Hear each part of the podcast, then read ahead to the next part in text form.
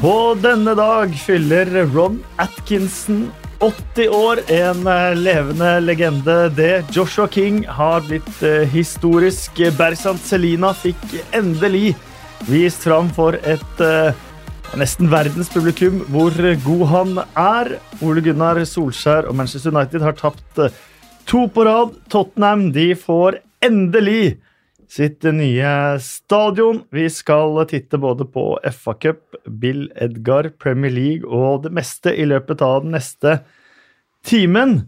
Og på det nye stadionet, der skal du, Erik Torstvedt, spille først. Ikke bare spille, men forhåpentlig slippe inn det aller første målet som blir skåra på nye White Hart Lane. Det krever jo at uh, en U18-match mellom Southampton og Tottenham, som skal gå aller først, den må bli 0-0. Så ikke se halve Moa vekke. uh, du skulle egentlig spille denne her, her kampen uh, i starten av sesongen, men da brakk du noe greier? Jo, men det var jo sånn sett Jeg gikk på trynet på sykkel og brakk diverse, men da kunne jeg ikke ha vært med. Nei. så nå er jo den stadionåpningen blitt sånn utsatt at nå kan jeg jo plutselig være med. Men eneste er at i det der sykkelkrasjet jeg hadde, så alle ribbein og kragebein og sånn, det er fint, men jeg tok meg for med finger, altså med, med hånda, da. Så jeg har én finger som er bare Han ser ikke god ut, han er ikke god. Nei. Så det er basically eh, Jeg kan ikke ta imot skudd. Så Mulig det er en liten bakdel når du skal spille en sånn type match, men jeg håper at det ikke blir noen skudd.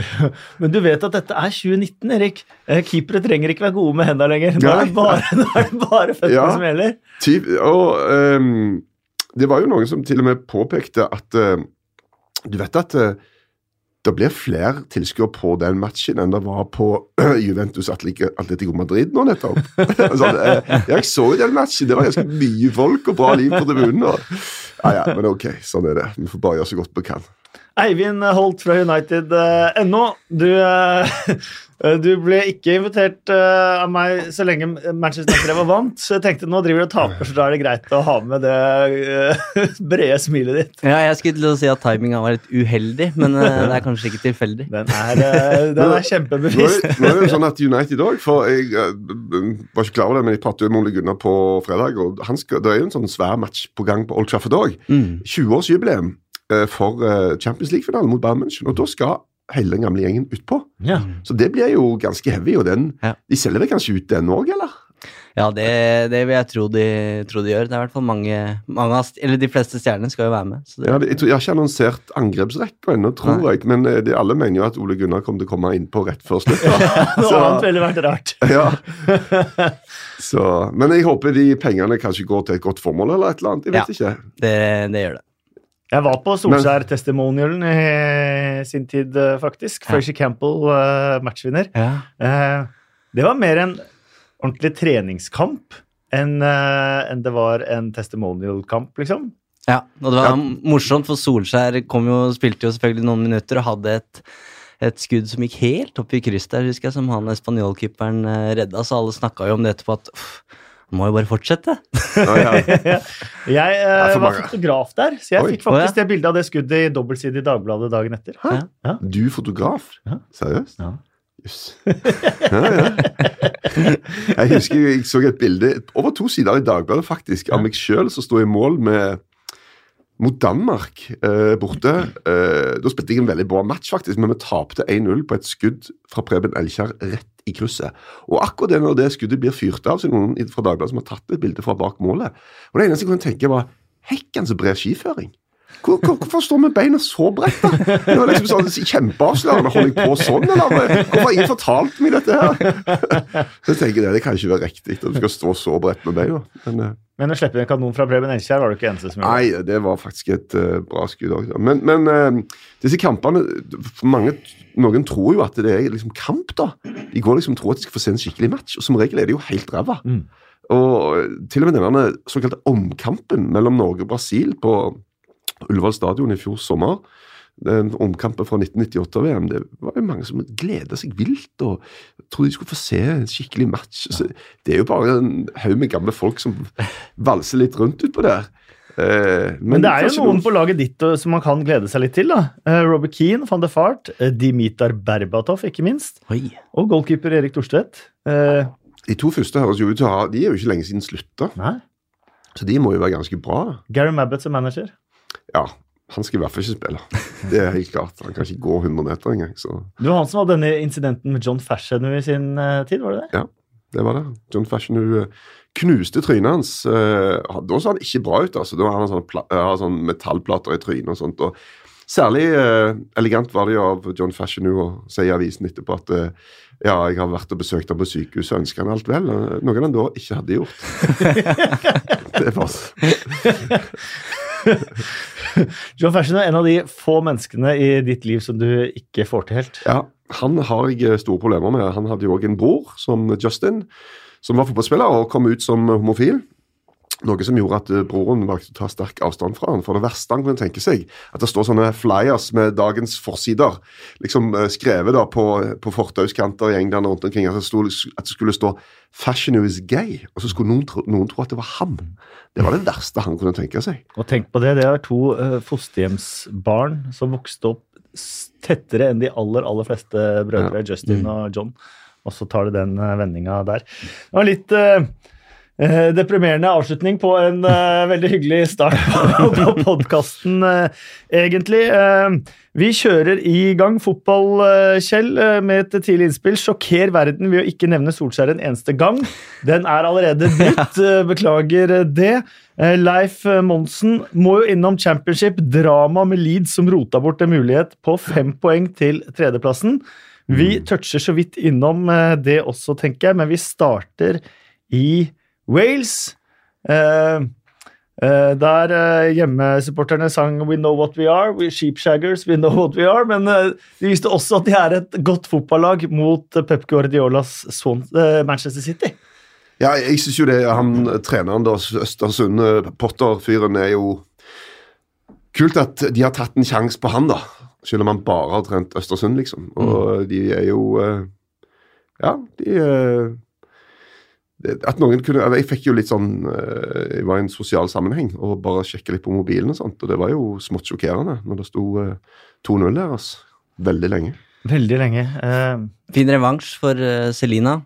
Ja, det var akkurat det. For at jeg, jeg, nevnte i forrige podkast at i løpet av ikke så lang tid skal jeg lage en blogg og kanskje snakke om det i podkasten om Mm. de eh, beste talentene i, i championship. Og to av de er jo der. Daniel James og Berzan Selina. Berzan Selina er altså voldsomt god fotballspiller. Mm.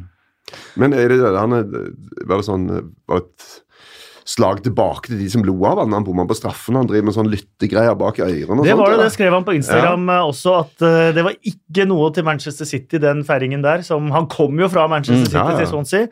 Uh, det var kun til de som latterliggjorde han for, uh, for straffen, den målfeiringen. Men altså, det må være lov. Altså, Og, og latterliggjøre folk. ja, altså, hvis, du, hvis du gjør noe sånt, så må du tåle at folk ler av deg, for at det er funny. Altså, det er bare da må, jo- du, da må du til og med kunne le litt av deg sjøl. Altså. Men det er jo klassisk fotballspillere som uh, først skriver på alle sosiale medier 'Jeg bryr meg ikke om hetsen, jeg syns dette bare var morsomt selv'. Ja. Uh, uh, 'Jeg kommer sterkere tilbake'. Jeg, eh, 'All hetsen bare legger jeg bort, og jeg ler av det selv'. Og så, når han scorer selv etterpå, Mm. så viser han at han brøy seg litt allikevel. Ja. Og Bertrand Selina det er jo en spiller som er høyt og lavt, så det er sikkert ikke første gangen vi får se han slå tilbake, da, etter å ha, ha vært i søkelyset sånn sett. Men jeg er litt overrasket over at han har klart seg såpass bra i, i championship, da, men det er, det er gøy, å, gøy å se. Det målet var iallfall ellevilt fint. Det var altså, det. angrepet angrepet var bare altså, sånn rent geometrisk. Ja. Hvordan ting Det var, det var jo et, et City-angrep av aller høyeste klasse, liksom. Definitivt. Ja. Uh, og vi må også gi honorable mention, mention til keeper Kristoffer Nordfelt. Ja. Ja. Starta sesongen som andre keeper. og Han har ikke vært veldig overbevisende, det jeg har sett i championship heller. Han har hatt enkelte gode kamper, men han var helt vill i den matchen her. Mm. Så så surt det der med straffe, da. Det er bare helt sånn absurd. Ja. Du, altså, det treffer foten hans, da. Han blir oppført med selvmål. Det er, men ellers var han bare en, altså, Det er alltid mange gode redninger, og ofte misbruker vi jo begrepet, syns jeg, da, og sier at ja, brilliant save og sånt. Ja, men hvis han hadde gått inn, så hadde vi sagt det var keepertabbe. Mm. Men noen av de greiene som skjedde i den Da han slang ut beina var det der. helt absurd. Altså, helt sykt. Um, Chris Berba skriver jeg digger FA-cupen fordi jeg digger Magic, Magic of the Cup, men måten City tok seg videre på mot Swansea, er helt motsatt av hva Magic of the Cup er. Tenker på feilaktig straffe, offside-mål. Um, og det er jo altså sånn i FA-cupen at de tester ut VAR, Mm. men de tester kun ut VAR på Premier League-arenaer. Um, så kan man mene hva man vil om VAR, men uh, forutsetningene da blir jo ulike fra kamp til kamp. Mm. Det er spesielt. Ja, det var veldig spesielt å se, se det, og det har vært så mange straffesituasjoner denne helga også, både i Premier League og i, i FA-cupen. Men det var ikke overraskende at City tok det, syns jeg, når de først scorer med den eh, Når Bernardo Silva bøyer den i, i Mhm. lengste der, så, så tenkte man at det her går deres vei. Men eh, ja, det var jo kontroversielle avgjørelser som gjorde at de faktisk klarte det. Men du sier at VAR gjør at det blir ulike forutsetninger fra kamp til kamp, og det er greit nok, men det blir ikke urettferdig i kampen. Nei, det gjør det Det ikke. gjør det ikke. Og hvis Swansea hadde tatt seg videre på måten som City hadde gjort, så var det ikke en kjeft som hadde sagt noen ting. Ingenting! Det har bare vært unison hylling over dette utrolige bragden som Swansea hadde gjort. Så, og Guardiola syns jeg tar det i grunnen ganske Veldig. fint, for han sier bare at sorry, ja, det, men sånn er det. Så Det betyr at eh, City gikk eh, videre, og det betyr også egentlig at City er eneste store laget videre også. Og det betyr jo også at en eller annen, kanskje to klubber, kan få fantastisk finale. I hvert fall tre andre litt mindre klubber som får fantastiske dager på Wembley i Mm. semifinalen. En av de er eh, Wolverhampton, Mm. eh, som eh, ikke bare slo Manchester United 2-1, men som slo de vel fortjent. Det må vi innrømme. Eh, det var den svakeste kampen under Solskjær, og det er vel første gang i hvert fall jeg har sett at Solskjær har virka litt bekymra etterpå. da. Han sa at dette her var rett og slett ikke bra nok. Nå må vi bruke landslagspausa til å forstå Eller slå, slå tilbake. Eh, Forrige gang de Da de tapte mot PSG, så slo de jo hardt tilbake på Stamford Bridge. Så tapte de ufortjent mot Arsenal, eh, og så kom på en måte den blemma her, da. hoppet Eh. ikke du over en match nå? Hva sier du? Du hoppet vel over en match? Ja, Borte mot PSG? ja den eh, Den nevnte du ikke i det hele tatt. Det endte jo med en uh, grei seier der. Så. En grei seier. En sleip, Ja, ja, ja. grei reaksjon der også. Men jeg, jeg mener jo den største utfordringa til Solskjær nå er å på en måte skape trygghet. da, En trygghet som ikke har vært der siden 2013. Fordi det viser så godt hvor fort ting endrer seg da, i, i fotballen. Eh, nå var det ikke så mange som stilte spørsmål etter det Arsenal-tapet, fordi United så egentlig ganske bra ut og skapte mange sjanser. Men 90, minutt, 90 dårlige minutter da, mot Wolverhampton, så er det noen som spør ok, skal de gi han jobben nå. Er det i landslagspausa at det skal skje? Så Sånn sett så er det dårlig timing for klubben hvis de hadde tenkt å annonsere det. Eh, det blir litt rart å gjøre det nå etter to tap, når det har vært tre fantastiske måneder. Eh, så jeg mener at Solskjær må på en måte klare å legge bunnivået nå på et akseptabelt nivå, og skape den tryggheten som jeg mener at er både under Klopp og, eh, og Guardiola, og kanskje også hos Porcettino i Tottenham, at selv om han har en dårlig dag, så blir det ikke nødvendigvis stilt spørsmålstegn til om Solskjær er riktig mann for jobben. Og det tar sikkert lang tid, men han har jo ikke det samme navnet og merittene som, som en Guardiola, eksempel, som også starta svakt egentlig i Manchester City. Så det blir veldig spennende å se nå hva som skjer eh, de neste to ukene, om Manchester United gjør noe, eller om de sitter på gjerdet og ser hvordan det her går. Den dynamikken her nå, eh, Erik eh, Ser aviskronikker i dag eh, Rednap begynner å hinte om eh, her er eh, grunner til at Porcetino burde ta over Manchester United. Alan Shearer skriver om at eh, nei, nei, the wheels haven't come off Solskjærs eh, project eh, Mm. yet.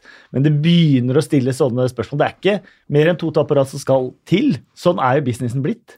Nei, og jeg følte jo at når det gikk så veldig bra, han var så veldig høyt oppe, er en gira, er en, er, har han en mental innstilling som er god nok til å takle at det kan komme tap. Og da tenker jeg ikke på Ole Gunnar eller spillerne, jeg tenker på fansen. For at de er så høyt oppe, og, og det er faktisk en sånn greie uh, som er innebygd i oss mennesker, som, som, ha, som gjør at vi tror at sånn som det er nå, sånn kommer det til å fortsette. Og dette er en, en sånn liten sånn Vi er ikke innstilt på endring. Det er, enormt, det er mange folk som har tjent ekstremt mye penger på dette. her. Fordi de kan på en måte, de kan vedde på den menneskelige eh, innstillingen om at akkurat sånn som det er nå, men vi tror det kommer til å fortsette sånn. Mm. Og det, det skifter så fort, som dere sier. Og det er lov å spille en dårlig kamp. Og det gjorde de jo nå, og det er fair. Og de spilte ikke en dårlig kamp mot Arsenal. Så det er, det, det er liksom Så foreløpig så vil jeg si at resultatene under Ole Gunnar har vært veldig bra. Mye bedre enn det en kunne forvente. De, har, de fleste kampene de har vunnet, har de vunnet fortjent.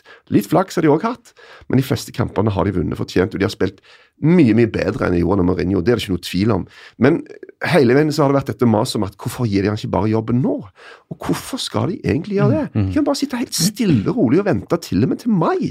De har sant? skaffet seg et fantastisk utgangspunkt, Ja. sånn sett. Og, og da kan de bare eh, liksom, da kan de bare la liksom, alt dette ligge, og hvorfor gi han Ok, det er mange som er utålmodige og pressende på, de vil vite og sånne ting, men United kan bare ha is i magen, de. Mm. Slapp av. Og så kan de jobbe parallelt med andre prosjekter, andre folk, og så kan de på en måte ta den enormt viktige avgjørelsen, da. Som det er hvem skal lede dette laget. Og, og tror jeg, da eh, Ole Gunnar sa jo nå, for jeg spurte han liksom Er du overarbeida? Savner du Er det ikke naturlig at, at Man United har en sportsdirektør?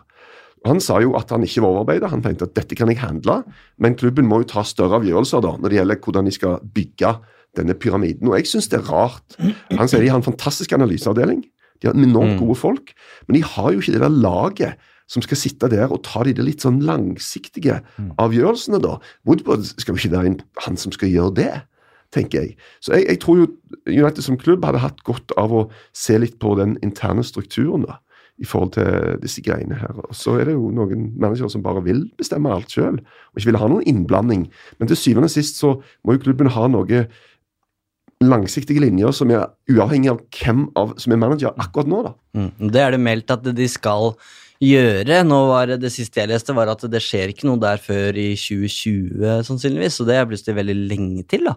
Mm. Eh, men United går et veldig avgjørende overgangsvindu i, i møte, uansett om det er Solskjær eller Porcetino eller hvem som, som er manager. Eh, men mange mener at den kampen mot Wolverhampton her illustrerer akkurat hva United trenger. Da. At laget er ikke godt nok, og det samme argumentet ble jo brukt da de tapte 0-2 for, eh, for PSG. Så, så det blir veldig spennende å se om de klarer å få inn de viktige brikkene. Eh, og, og det snakkes om at eh, man skal måtte tilbake til eh, Ferguson-prinsippene også på overgangsmarkedet. At man skal signere spillere under 26 år. At man har skjønt at det å signere en Alexis Sanchez som kanskje er over toppen da, på en monsterkontrakt, det nytter ikke lenger. Eh, så det blir eh, Og det snakkes jo om Jaden Sancho, og det er jo unge spillere som på en måte kobles til klubben. Så det, det blir spennende å se. Eh, vi må jo gi eh, prate bitte litt om Wolverhampton her eh, også. De eh, har jo hele sesongen så har de jo vært veldig gode, stort Mm. sett, mot de beste lagene. Så har de tapt to ganger mot Huddersfield, mot Brighton. De har tapt mye poeng mot de der nede. Hadde de hatt skal vi kalle det, normale resultater mot de dårligste lagene, så hadde de jo vært å tilkjempe om topp fire, faktisk, Wolverhampton. Og de viser jo hvilket fantastisk godt fotballag de er mot Manchester United.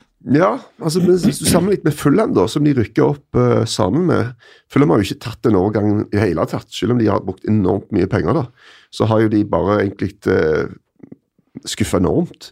Men Wolverhampton har hatt en annen sånn ulike måter å spille på. det. De kan dominere kamper, de kan ligge teit bak og forsvare seg og gå på kontring. Altså, De har mange strenger å spille på, og så har de denne litt sånn udefinerbare, udefinerbare mentale styrken som gjør at de blir ikke kua av de aller beste. De har ikke naturlig frykt når de skal inn i de kampene. De går inn der og ser ut som og tror veldig på planen sin, da. Og har denne greia at de viker ikke en millimeter i de tøffe duellene og det der. Så det, det er et lag som, om noe, tror jeg, kommer til å bare løfte blikket og se videre opp. Hvordan kan vi tette det der enorme gapet som er til topp seks?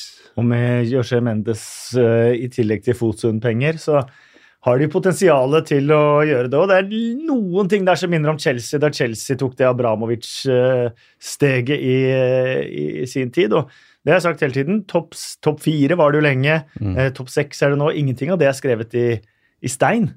Nei, de kan vel bli det beste nyopprykka lag på nesten 20 år. eh, Ipswich hadde ja. på femteplass der i starten av 2000-tallet. Ja. Og United skal jo tilbake igjen, eh, Ja, og jeg er veldig spent på hvordan de skal løse det, for det tror jeg plutselig ble en ekstra tøff nett nå, da. Jeg Ja. tror Wolverhampton har spilt åtte kamper mot topp seks-lag denne sesongen uten å tape. Mm.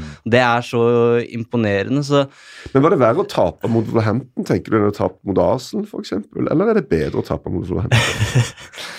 Det er jo, Man snakker jo når man er med i tre turneringer, så har det mye snakk om hva bør Solskjær prioritere, da. Eh, og jeg tror de fleste måtte måte, satt FA-cupen nederst på den prioriteringslista. Jeg tror det. Ja, for jeg har Eh, tenkt liksom litt annerledes, Men- men- fordi FA-cupen var så veldig winnable. da. Eh, Og et Ja. fantastisk trofé i Solskjærs første sesong og alt mulig. mm. Men eh, det redda ikke van Gahl. Nei, det gjorde du ikke. Hvis du har positivitet i de andre stedene, og så vinner det ene trofeet som du faktisk kan vinne, da. Ja. Eh, absolutt, så, men nå er uansett eh, den, Den er eh, er drømmen den er, er borte. Eh, men det blir, det blir plutselig veldig tøft nå med topp fire. da. Eh, den bortkampen mot Wallrampton, som sagt, så har de City og Chelsea igjen, og det var rett og slett veldig imponerende. Altså United var dårlig. Jeg tror ikke det er noe panikk eh, eller desperasjon i United etter den matchen, eh, selv om de skapte veldig, veldig lite. Eh, Men det er også For det er en erkjennelse at Wolverhampton var også veldig, veldig gode. Det er de samme som spiller eh, som spiller hovedrollene der igjen, da. Eh, Die- Diego Jota der med, med et flott solar- soloride og Mm. Raúl Jiminez.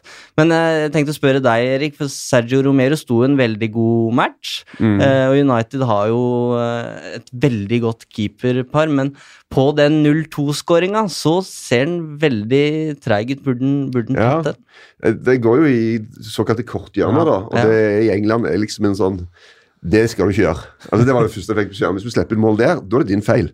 Ferdig med den saken. Men jeg har faktisk vært ganske imponert over han denne sesongen. da. Ja. Han har sett liksom bra ut. og Du, du ser på dem, liksom, hvordan ser de ut? Hvordan er de liksom eh, Ja, både teknikk, men òg mentalitet og hvordan du ser ut i forhold til resten av laget ditt og sånt. Og han har, han har vært bra, altså. Mm. si. Solskjær var veldig ja. imponert Altså, han har vært utrolig god på trening og fikk jo da muligheten borte mot Arsenal. Sto en kjempematch der.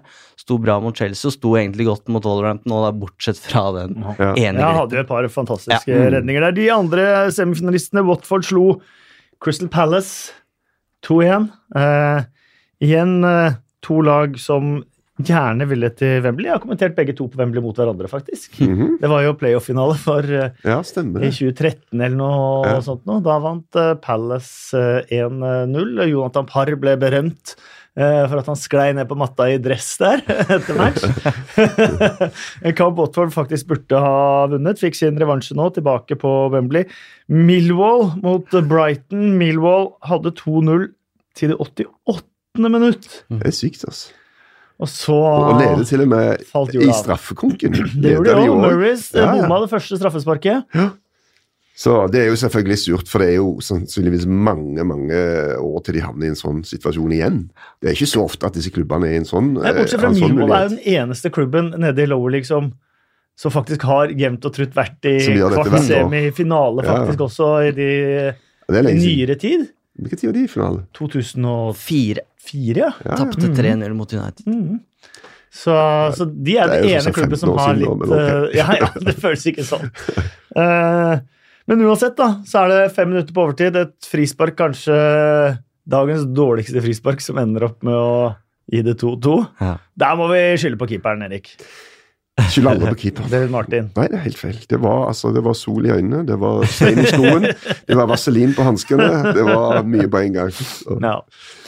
Eh, Brighton og fikk da Manchester City på Wembley.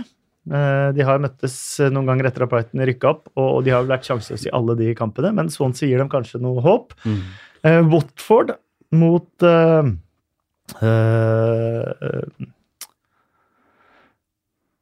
Wolverhampton. Ja!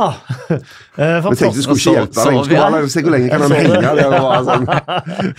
Eh, Watford mot, Wolverhampton betyr at en av de kommer til en FA-cupfinale. Det Ja. er jo fantastisk, da. Ja, det blir eh, en underdog sannsynligvis, da, hvis det er City som, som går videre. Så det blir spennende å, spennende å se. Og City lukter vel nå en slags uh, kvadruppel, blir det?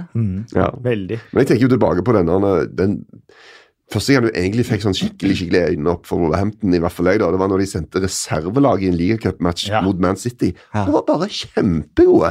Det ble vel eh, for, altså, ekstraomganger. Og... straffekonk, ja. Claudio Bravo ble Ja, helt var helt sykt Ja. gode, og da stilte de jo egentlig med, Mm. nesten med B-laget. Det blir litt spennende å se nå, da, for nå får de et sånt dilemma motsatt. da. Motsatt vei, og se om de prioriterer nå den FA Cup-semifinalen mot eh, Watford. De stiller jo som favoritter der. Eh, og så er det jo Best of the Rest i Premier League, men hvor Jo, men altså, det der er sånn prioriteres, altså De er jo semifinale i FA Cup. Og, og, for vi kjemper om syvendeplassen. Altså, det er jo helt sånn, og, og, tror, du, tror folk er mer opptatt av denne prioriteringen enn ofte det altså, Hvis du er manager eller spiller midt oppi det, så vil du gjøre det bra overalt. da. Mm. Du, vil, du, vil, du er grådig. Du var liksom Ok. Så, så jeg tenker at det er en unik sjanse for uh, for f.eks. Wolverhampton til å vinne en pokal. Jeg tenker litt på øh, fansen, må jeg innrømme. Ja. Eh, det er ikke så lenge siden de røyk ut mot Luton, som da var det conference Mm. i uh, cupen. Eh, de røyk ned til League One. Det var ikke spesielt god stemning på Molyneux. Nå er det altså smekkfullt, og det koker, og de har et lag som kan hamle opp med absolutt alle, og nå er de på Wembley. Det er kort tid mellom himmel og helvete i fotballen. Ja. Men nesten kortere andre veien. Kortere mellom himmel og helvete enn mellom helvete og si. himmel. Ja. Det tar som regel litt tid å bygge stein på stein og Ja. komme opp der, der. men å rase ting à la Sunderland Hvor ligger de igjen for nå, forresten? Ja? De var, klarte å snu hjemme mot Walsall. Det var de glad for. De henger med i opprykkskampen. Vi har Portsmouth, som eh, har vært i en eh, lang periode med dårlig form nå, som er i ferd med å finne litt form. Men det er jo det kanskje som har rast mest Ja. fra Premier League og etablert i Premier League til, eh, til League 2. og Mm. ikke noe spillere, så det har vært veldig gøy å se de opp igjen. Blackburn har jo vært gjennom Leeds, eh, definitivt. Mm. Fra Champions League-semifinale til eh, League One på ganske kort tid. Så det har vært mange av de historiene der. Altså. En gladhistorie er jo Blackpool, da. Som endelig er kvitt uh, Oyston, og som lagde et uh, helsikes leven uh, hjemme mot Southend. Uh, de har jo boikotta nå i tre år. Så supporterne har altså stått utafor Bloomfield i tre år, nesten som streikevakter. Mm. Alle kampene har blitt spilt så å si for tomme tribuner med noen bortesupportere. Uh, og så endelig kvitt, uh, kvitt uh, Oyston. Oyston, eieren, som da ble dømt for å ha eh, sugd alle pengene ut av klubben til egen vinning, som eh, bare for å provosere fansen litt mer, skar ned Stan Matthews-statuen utafor Bloomfield og fjerna den med en trøkk. Og satte opp en statue av seg sjøl i stedet. Ja, eh, og bare for å gjøre det enda verre, når han har kjørt rundt i Blackpool i Range Roveren sin, så har han eh, personalisert eh, bilskilt med 'asshole'. Hva du kan, altså, Kasper. Så, så få han ut. Eh, og de bildene fra Blackpool Southend var jo det neste vakreste uh, i hele fotballsesongen i. England, uh, spør du meg. Eh, de har vært tålmodige, Blackpool-supporterne. Eh, um, så det var, eh, det var FA-cupen. Um, det ble jo spilt eh, Premier League i, eh, i helga. Også mange viktige kamper i bånn og et par i toppen. Ny ligaleder. Mm. Liverpool slo Fulham. Mm. Det holdt bare så vidt. Ja, med fare for å tråkke på noen tær. Det, når, når Fulham utligner der, så føler, minner det litt om eh, russebilen vår i russtoget. Sånn, for hver meter vi kom, så datt en ny del av. Og det var liksom spørsmålet hele veien bare holder det her helt inn? Uh, og for å dra den metaforen videre, da, så er på en måte City regnes på en måte som russebussen i front som har full kontroll og bare cruiser mot det. Men Men kom dere dere til Tryvann? ja, vi, ja dette, dette var ikke Tryvann, da. Dette var i Hokksund og alle steder, men men, eh, men vi kom oss Eller eh, Kongeparken. Den streika faktisk i siste sving, så får vi se om eh, hvordan det blir med Liverpool. Men når det er sagt, det er noen signaler som tyder på at dette er et uh, mesterlag. Det må jeg bare innrømme, fordi det er ingen panikk å spore når de når de slipper inn der, og jeg syns de virker rimelig fokusert på oppgavene eh, når de jakter vinnermålet, og de får betalt, og de, de opplevde jo det samme mot Burnley. Så det her tror jeg blir kamp helt inn. Altså. det gjør det jo, men at de får betalt altså De får bare sett en, en fyr på et annet lag som beslutter å bare gi de tre poeng. Det Ja, er det var helt Altså, det er jo det som skjer, Det helt egentlig. Så du kan si at ja, Liverpool de, eh, er type, det er et mesterlag som viser at eh, de, når de må ha et mål, så får de et mål. Men det er bare en ræva dårlig prestasjon av en annen fyr, liksom. Det, og det kan godt være de hadde skåret uansett, sannsynligvis, men, men akkurat det der er bare en reinspikka gavpakke. Ja, for det der var det, måten å se det på. Først at han slipper ballen, som han holder egentlig fast 11 av 10 ganger. Mm. Nei, han gjør ikke det. Verst av alt at han Ja, han slipper den veldig ofte. altså. Ja, han gjorde det første gang, men enhver annen teknikk, han fyren der. Men så hvis man skal være veldig konspiratorisk, sagt, så ser man, man ser jo at en Fulham-forsvarer kommer til å klarere den. Når det først detter ned, for det Ja. står to Fulham-forsvarere her. Da tar han tak i Mané. Mm. Det er helt sjokkerende. Jeg skjønner ikke, han er jo også på vei mot Altså i motsatt retning ja, Av, av målet, og ballen er også langt unna Mané, egentlig. Så det er en veldig rar manøver, altså. Det var det. De har altså brukt tre keepere denne sesongen, Ja. og alle har vært ræva, egentlig. Altså, og Bettinelli var jo god forrige sesong. ja, de har altså to I løpet av ei uke, rundt jul, så holdt de nullen. 22. og 29. desember så holdt de nullen. Mm. Der i to kamper. Mm. Det er det eneste de holdt nullen hele sesongen. Alle andre kamper har de sluppet inn mål, og som regel to eller flere. Tapt samtlige kamper også mot topp seks. Det er ny rekord, tror jeg. Elleve eller noe sånt på rad. Ja. Eh, Så ble det satt Premier League, heller ikke ble satt, men forlenget en Premier League-rekord, som er det verste jeg vet. 51 kamper. James Miller, når han har scora, så har ikke laget hans tapt. Mm. Det er imponerende, Ja. det. Det er ikke like imponerende som Ian Rush, Nei. som eh, hadde 99 kamper med scoring før han scora og det ble tap. Um, So near and yet so far. til 100, ja. Ja. Sier mannen med 97 landskamper. Ikke uten et visst snev av bitterhet i stemmen. Um, Chelsea de dro til uh, Everton, uh, et Everton-lag som uh, ikke har slått et topp seks-lag på over to år. Og der det så ut som Chelsea skulle kjøre over Everton de første fem-ti minuttene. Mm. Men der Tolv i hvert fall. Ja, det varte i tolv minutter før det roa det seg. tolv, det? Ja, ok. Ja, de, hadde, de, de virkelig kjørte. Du kan få de en skåring der, så, så vinner de, Ja. sannsynligvis. Og så gjør de ikke det, og så kommer Everton ut i andre omgang og bare dunker til på en helt annen måte. Og da er det et eller annet som er noe litt sånn skjørt med det Chelsea-laget. ja, Silva, Silva sa det jo i intervjuet etter kampen at eh, eller Han ble spurt hva var det du sa til guttene dine i, i pausa. Nei, jeg sa vi skulle gjøre alt annerledes. Ganske enkel instruksjon, som tydeligvis fungerte. Mens den turbulensen da i Chelsea, den øker jo i, i styrke. Og jeg, jeg syns det er det å se Sarri etter match da, og, og snakke om at han, han veit ikke, han har ikke noen forklaring på hva som skjer i andre omgang, og med tanke på det han har sagt tidligere, at han klarer ikke å motivere den spillergruppa her. Eh, veldig, veldig rart. Eh, jeg lurer på om de nesten er blitt litt for avhengig av Eden Hazard. Eh, for det virker som det er opp til han Mm. å, å gjøre noe. Og Higuain-kjøpet var jo i og for seg spennende med tanke på den relasjonen han har med Sarri. Men han ender jo ofte ut på kant, Mm. og det er jo ikke der en eh, litt eh, småtreig Higuain skal være, så han er jo ikke i de riktige situasjonene, selv om han har et skudd som Pickford eh, redder bra der. Men litt sånn, eh, ja, jeg, jeg merker at sånn med tanke på United og den fjerdeplassen, så, så tenker jeg liksom at Chelsea holder jeg egentlig lengst unna, da, den topp fire-kampen akkurat nå. Eh, Marco Silva må jo si at han har vært gjennom eh, turbulente tider. Måten han Mm. tapte mot eh, Newcastle sist på fem mann i offside der etter å ha leda 2-0 og sånt noe. Jordan Pickford har jo stjålet det meste overskrifter etter den kampen også. Veldig spent på hvordan han skulle respondere. Det var, viste imponerende mental styrke å, å stå så bra, Jordan Pickford, i den kampen mot Chelsea. Nei. Nei, men altså Jeg syns det var ganske imponerende, faktisk. vi kan jo ikke forvente at hvis du spiller en dårlig kamp, så skal du spille en dårlig kamp til. Fordi Nei. at du spilte så dårlig sist. Men det er hvordan det du spilte ikke. dårlig kamp, for han virka virkelig i mentalt ubalanse på St. James' Park. Ja, han fikk Eh, mye tyn fra publikum, og det ser ut til å pre- prege han litt, Ja. og så videre og så videre. Så, men det blir jo litt sånn, da, at syns jeg at uh, Fy filla så ræva Jordan Pickford det. Og så, når det var VM, så var han sånn Er han verdens beste keeper? altså, det blir bare helt sykt i ene og andre enden. Og jeg må ta et kraftig oppgjør med Kasper Wikestad, som på TV2.no sa at han hadde ikke kraft, pondus, eh, til virk- eh, Han mangla det, da. Og det er én ting eh, Pickford har, så er han har altfor mye kraft.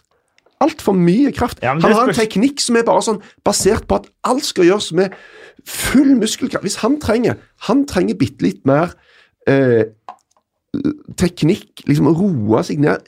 Eh, Min, en av mine favorittgreier i fotball er hvis du ser et skudd som går fem meter utfor, og plutselig ut fra ene bildekanten på TV, så kommer Jordan Pickford susende. Bare sånn What the fuck? Ballen går fem meter utfor. Han hiver seg rundt og liksom sånn liksom, Ro deg ned. Jobb litt mer med denne For når det kommer et skudd mot deg, så handler det litt om at du skal være følsom, for du må gi litt etter med kroppen og med hendene dine. For Hvis ikke er det som ballen treffer en vegg, og så spretter han ut igjen. Og, og Jordan Pickford er litt der, da. Men han, noe av det har han jo igjen for, som f.eks. på utsparkene, som er bare helt elleville.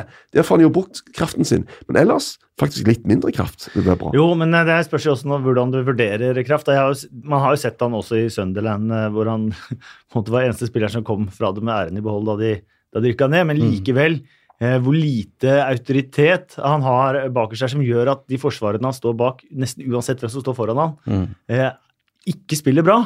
Og det gjør jo at f.eks. at de har sluppet inn flest av alle i, Premier League på dødballer. Det handler jo for meg mye om keeper eh, og, og hva, slags, eh, hva slags command of area, da, hvis man skal eh, bruke et godt norsk, norsk ord. Det var jo det jeg la i det med Jordan Pickford, som aldri har imponert meg som en keeper for et topplag. Da. Og vi har sett mange eksempler på keepere som har vært gode i dårlige lag, som har blitt henta av topplag som ikke har fungert i topplagene. Eh, Richard Wright er en som eh, slår meg, mm. Mm. eh, for eksempel. eh, og, det, er- og det er flere. Så det, det har egentlig vært mitt eh, Han har jo en, en greie som følger han litt, at han slipper inn mye mål. Det er ikke alltid så bra når du står i mål. Men, eh, og, og det er jo liksom litt sånn Ja, han var, altså, å spille på et lag som Sunderland eller Fulham er jo ille på den måten at du blir vant med å slippe inn mål. Altså Det blir en vane. Mm. Du går alltid inn i garnet og henter denne ballen ut noen ganger per match, liksom. Og det gjør jo et eller annet med deg, da. Hvis du er vant med å holde nullen, så blir det òg lettere å fortsette med det. Så, men eh, han kommer til å stå i mål i Premier League eh, veldig veldig mange år, men jeg tror han får konkurranse om keeperplassen på England. For jeg har aldri syntes at Jordan Pickford var en av verdens beste keepere. Mm. Eh, Da går vi videre til eh, Bournemouth. 2-2 spilte, spilte de. Eh, Det var mot Newcastle. Newcastle tok ledelsen med et fantastisk frispark ved Rondon og utlignet godt inn på overtiden. Begge eh, målene til Newcastle kom godt på overtid, og det var vel faktisk sånn at eh, Newcastles 1-0-mål kom senere enn Bournemouths 1-1-skåring. Ja. Sånn i minutter. Ja, ja, sånn, ja. ja Utligningen til Newcastle er bare helt altså, De har et uttrykk som i Tyskland som heter 'follows risiko'. Det betyr at når du bare dunker til uten å holde igjen noen ting som helst. Og det, det var det, altså. altså det, du, du treffer ballen sånn én av hundre ganger. altså. Og det er en sånn var- positiv vibe over Newcastle nå som er Ja, ja. utrolig morsom å følge oss med. Sånn ekstremt vel unt for supporterne. Ja, det virker som eh, Rondon har kommet inn og, og passer perfekt da, Mm. for Newcastle. En litt sånn tøff spiss på, på topp der som har skåra mye det siste nå. Så er det veldig gøy selvfølgelig med Joshua King, som fortsetter å imponere. Jeg husker det første ryktet som eh, kom da Solskjær ble United-manager. Det var at Joshua King skulle til eh, United. Eh, det skjedde ikke, men men uh, det er også han som har uh, Matt Ritchie på 2-2-skåringa. Jeg ser Klein skriker og skriker og skriker på King. King uh, løper ned for å ta Ritchie, men er på feil side da. Eh, av Newcastle-spilleren. Så flott scoring, men surt for Eddie Howe, som eh, bør ha gode muligheter vel til å kunne klatre enda høyere enn den niendeplassen som er eh, hans beste, eller Bournemouths beste plassering i Premier League. Fint kampprogram. Vi må, men vi må drite litt i Joshua King, at han klepper på markeringa, fordi eh, han har i løpet av denne sesongen passert Um, Morten Gams Pedersen, Tore André Flo, Jon Carew, og i helga så passerte han også Steffen Iversen eh, på rekordlista over eh, norske målskårere i Premier League. Hvem har han nå foran Eh, seg? da er det bare Ole Gunnar Solskjær igjen. Han er altså nest mestskårende. Og hva er, for, hva er tallene? Eh, Solskjær har 91. Og, og Joshua har 41. Iversen har 40, Carew og Flo har 38 i Premier League. Eh, mm. Forskjellen på eh, Joshua King, Solskjær, Iversen eh, i hvert fall, eh, og Flo er jo toppklubb, ikke toppklubb. Han har gjort det for en, en, som, en klubb som har vært underdog hele veien, egentlig. Men Tottenham var nok ikke Når Steffen spilte, da, de var vel ikke Hva, hva var gjennomsnittsplassering på tabellen. Nei, men Ikke- en større klubb allikevel. Ja, ja, større klubb, eh, definitivt. Bournemouth. Men Tottenham den gang Ja. Tottenham har jo prestert fantastisk de siste sesongene. Det er et godt poeng. Så, men, eh, men Men jeg likevel, skal Bournemouth er jo en hylle, veldig liten klubb, hylle da. Joshua King for, det, Ja. han, eh, for det han har gjort i, i engelsk fotball. Og vi skal jo ikke heller glemme at det er en spiller som uh, først dro på lån til Tyskland, som Mm. ikke gikk. Han var på lån i Hull, uh, som ikke gikk spesielt bra, i Preston. Uh, og så ble han henta i Blackburn. Tenkte man at det er en, det er en, en god overgang. Mm. Der hadde, spilte de 4-4-2 med Gested og eh, Jordan Rhodes på topp. Eh, det betyr at det var ikke noe plass for eh, Joshua King på topp, så han spilte stort sett kant i 4-4-2. Og han kan for så vidt spille kant i eh, 4-3-3 eller 4-2-3-1, men i 4-4-2 fungerer Joshua King dårlig som kant, så det var, det, var, det var tøft for han da, og spesielt når man ikke får statistikken med at man skårer mål og sånt nå også, på grunn av litt posisjonen man, Mm. man spiller, Ja. men så blir han bedømt fra folk som ikke ser kampen, at oi, Joshua King han skårer ikke mål i Blackburn heller, liksom. Ja, Han hadde jo en helt ellevilt uh, Hvis du begynte å regne sammen, da eh, altså, Mm. Han, han skåret jo nesten Nei, ingen han mål. gjorde ikke det. Men, men greia er at du må ofte altså, Hvis du skal begynne å se på sånne skåringsgreier, så må du være litt nøye. da. Mm. For det, at det, er enormt mange Du ser kanskje Augia, han har spilt 15 kamper. Han har bare skåret ett mål. Det er ganske dårlig. Men så ser du at ja, men tolv av de kampene har faktisk vært innhopp. Ja. Han starta tre kamper. da. Ja. Mm. Og så, Da må du begynne å regne sammen minutter. Det tenker jeg er den best, mest relevante greia. Saeed og Beroine kommer ikke så godt ut der. Nei, sant. Eh, og, og Joshua King har nå elleve mål, men det er klart han har skåret mye straffer. da. Ja da. Så, så det er jo en del av, av greia òg. Hvis en, en annen klubb, f.eks. du sier med Man United, Ole Gunnar, skal sitte ned og tenke, da tror jeg ikke de først og fremst kjøper Joshua King som en, som en målskårer. Det er han som skal bli topp der. Mm. Men han gjør så veldig mye annet, da. Sant? Så øh, Og det er noe av grunnen til suksess for King i Bournemouth òg, føler jeg. Eh, At det forholdet han har med Eddie Howe, Mm. og det at han får ubegrensa med tillit Uansett at I et lag Eddie- som har enormt mange gode offensive spillere. Definitivt. Ja. Eh, og, i, og at eh, han verdsettes for den ekstremt gode jobben han har. Det har jeg vært inne på i podkasten tidligere. Hadde vi hatt hockeystatistikk med andre assist, sånn som han har i hockeyen, så tror jeg han ville scora ekstremt høyt. Og han sitter jo med et dilemma som mange spisser gjør rundt omkring i verden, selvfølgelig. Han gjør det godt i en klubb som Bournemouth, som imponerer sesong etter sesong i Premier League, men eh, så spørsmålet hele tida kan han ta et skritt opp. Jeg mener, husker det var snakk om Everton i, i sommer. Skulle han gå dit, f.eks.? Han er 27 år. Skal han bli i Bournemouth sammen med Eddie Howe, der han på en måte veit at her blomstrer jeg, eh, men det blir på en måte midt på tabellen, sannsynligvis, i, i Premier League? Eller skal jeg prøve meg i, i Everton eller uh, Wolverhampton, da, eller en, en klubb som på en måte skal presse den der uh, topp fire-gruppa? Men da må jo det tilbudet komme først. da. Ja, Helst. det er et godt poeng, men jeg vil jo tro at det er noen som etter Ja, hvert han er på snuser på Joshua King. Men, men det var jo, når jeg hadde denne flaksuttalelsen når Joshua King ble så veldig sur, så var jo det et grunnlag i en analyse som sa at hadde dette vært for ti år siden, så hadde det stått noen klar til å plukke han opp. Mm. For at, da ser de på hvor mange mål han har skåret. Oi, han har skåret. Men nå graver de mye dypere, da. Mm. Og konklusjonen var bare at det er en veldig liten sannsynlighet for at de skal greie å gjenskape det greiene.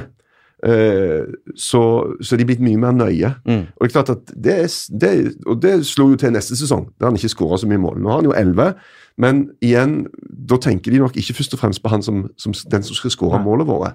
For hvis du trekker vekk fem, så er du nede i seks mål, og det er på 30 kamper, liksom. Men han var litt sånn skada og sånn òg, da. Ja. Men, men du må se på totalen. Du må se hva gjør han? Ja. Altså, han er, han er et, et sånn et mareritt for Forsvaret å spille mot. For han bare hunser de og hunser de og hunser de hele veien. da. Mm. Så du må inn, det må bakes inn i en pakke sammen med noe annet. Og da gjerne òg en da som en mer pålitelig måls, målskårer over tid. Men nå hyller du Joshua King som, eh, som eh, tidenes nest mestskårende nordmann i Premier League. Ja, og Bra. det er jo ikke sikkert at, han, at, han, at det er umulig å ta igjen Ole Gunnar heller. Han er ikke så gammel. Nei, Han kan spille i hvert fall fem-seks Ja. år Ja, til ja, i Premier League. definitivt. Og hvis du skårer ti mål i sesongen, da, så er du der jo. Definitivt. Og veldig godt for Shaking your landslaget. boots, Solskjær. veldig godt for landslaget. Og at eh, vi fikk en spiss som skåra to i siste runden før han skal til Spania. Jeg ser fortsatt det er engelskmenn på Twitter som ikke skjønner hvorfor Joshua King ikke er på det engelske landslaget. Etter hver gang han skårer det i forbindelse med landslaget, så, landskamp, så er det folk på Twitter som skjeller ut Southgate for ikke å ta ut Joshua King. Det er deilig. Ja. Eh, Jeg fikk en eh, tweet fra Trond Simon Nesset som jeg måtte sjekke opp. Eh, Newcastle i eh, sesongen eh, 2017-2018 etter 31 kamper. Ni seire, åtte uavgjort, 14 tap, 31-40 i målforskjell, 35 poeng. Newcastle i sesongen 2018-19 etter 31 kamper. Ni seire, åtte uavgjort, 14 tap, 31-40 i målforskjell og 35 poeng. Wow. Hvor sykt er det? Spesielt, altså. Og, det, og det, På samme måte som forrige sesong, så var de helt fullstendig ræva. Så dro, var det en liten break, så dro de av gårde til et eller annet varmt sted og kose seg. Så kom de tilbake, så var de bare mye bedre, og så begynte de å vinne. Nøyaktig det samme har skjedd denne sesongen som forrige sesong. Bortsett fra forrige sesong fikk de en god start, gjorde de ikke? Det tror jeg. Jeg tror de Mm. lå der oppe etter seks-sju kamper før de fikk den store duppen. Var det ikke da de spilte mot Tottenham i første match, og John Joe ble utvist, eller? Jo. Ja. Og så vant de borte mot den Ja, jeg Ja, mener er vi det langt ned i materien her. Ja, Å ta på husket min sånn sett, det må man aldri finne på å gjøre. Eh, Westham slo Huddersfield 4-3, nok en overtidsskåring. Eh, Huddersfield, som stort sett ikke har sluppet inn noe særlig mål, men eh, stort sett tapt likevel, de fant jaggu meg en måte å tape på selv om de skåra tre. Ja, Og hva skjer med Westham? Ja, Westham er jo er Premier Leagues kinderegg. Du vet jo aldri, aldri hva du får. Det er jo gøy for, for de som sitter og ser på kampen som nøytrale, da, men det er liksom De har så mange strenger å, å spille på, Westham, syns jeg, offensivt. Altså, du har Hernandez som skårer to. Andersen, Arnautovic, Lanzini, Antonio, Perez, Nodgras, Nasri og Jarmalenko, som nå er skada. Så er det jo Carol. Andy Carroll, ja. Selvfølgelig. Så det, er et veldig Men det var jo vondt å se han Sivert i kamp eh, eh, intervjuer etter kamp, hvor han bare var helt knust og sa til intervjueren bare 'Hva vil du jeg skal si?' Jeg er bare helt, helt, helt Man skjønner at han er en mann som er langt oppe og langt nede. og så etter den ene seieren man gikk rundt og Ja. slo spillerne sine omtrent i trynet etter, Ja. etter å ha vunnet. Så man føler jo litt med Jan Men det er litt Sivert. kult da, at han, at han tar det Jeg tror det smitter over på spillerne at han tar det så personlig. Fordi at de har jo ryktene allerede. Ja, Hvis de vinner alle seg. resten av Nei, ja, kampene, er så tror jeg likevel kanskje ikke de holder seg. Og det samme gjelder Fulham. Mm. Eh, Så har vi eh, eh, Burnley mot eh, Leicester. Eh, Leicester fikk en tidlig utvisning Ja. på Maguire. Bytta inn West Morgan. Jeg har en Premier League-rekord til deg, Kasper. Ja, Selv om du ikke er så glad i det. ja. Men West Morgan kom jo inn eh, for eh, ja, Han husker ikke hvem han kom inn for, men han kom jo inn og spilte 80, 86 minutter. Og han er da den spilleren i Premier League-historien som, eh, som har også Det har gått lengst tid da fra han kom inn, til han scora. 86 Og det er sånn Premier League-rekord som jeg tror kan være en rekord fra 1888. Jeg husker Ja. at det var veldig mange år. Meste år av engelsk fotball så har man ikke hatt innbytter. Nei. Så hadde man én innbytter som man bare brukte ved skade. Eh, og så begynte Ja. man jo med flere og flere da Premier League startet. da I Ja. 92 så var det bare to innbyttere. Eh, så det kan fort være en hel rekord, men der må historikerne ikke være late. så er, blir denne rekorden så mye kulere. Ja, så denne Det kan er- du gå for. Hæ? Ja, denne Ja, kan denne du gå kan for. godt være rekord fra 1888. Og det er også det som er litt sånn mitt mantra med dette her, at Bundesliga, Serie A, alle sammen, de har rekordene fra ligaen starta. Eh, Mm. Og det eneste som er sikkert med en rekord, bortsett fra de Florence Griffith Joyner og, og østtyske rekordene. eh, i friidrett, er at enhver rekord vil på et eller annet tidspunkt bli slått. Mm. Om det tar 100 år eller 200 år, enhver rekord vil bli slått. Man trenger ikke starte i 92 for å lage nye, nye rekorder. Og det, eh, det, men det var, den er fin. Ja. Det var faktisk et spørsmål på Twitter som jeg ikke turte å ta med om det var det! eh, Fordi at jeg hadde ikke svaret. Så latskapen min også. Mm. Det er deilig at eh, du hadde, hadde den. Jeg husker ikke hvem som stilte det spørsmålet på Twitter. Um, Daish selvfølgelig misfornøyd med dommeren. Eh, som Men burde alltid. kanskje ha fått straffe der på den Taylor eh, Ja, men Burnley får jo ikke straffer. Nei. De har fått én denne sesongen. Var den første på 55 kamper. Mm. eller et eller annet sånt. Uh, Nå er du tilbake i uh, Etter å ha vært så cruisa av gårde, og nå er alt så mye bedre, og nå er Tom Heaton i mål, og nå er alt på stell, så har vi møtt veggen igjen plutselig. ja, det har de. Ja. Så de skal ikke føle seg trygge. På ingen måte. Og Mm. Cardiff har en kamp til gode og er to poeng bak. Eh, så Burnley er på ingen måte, måte trygge. Men det er en imponerende start for Rogers. Da. Han har jo fått en uh, flying start nå med to seire. eh, imponerende at de Eller jeg skal i hvert fall ha honnør for at de angriper med ti mann i nesten 90 minutter. Uh, flott scoring av James Madison og han Tielemanns, som det var snakk om i forrige episode. Han Har nå målpoeng i fire matcher på rad, og jeg sjekka Mm. det ut.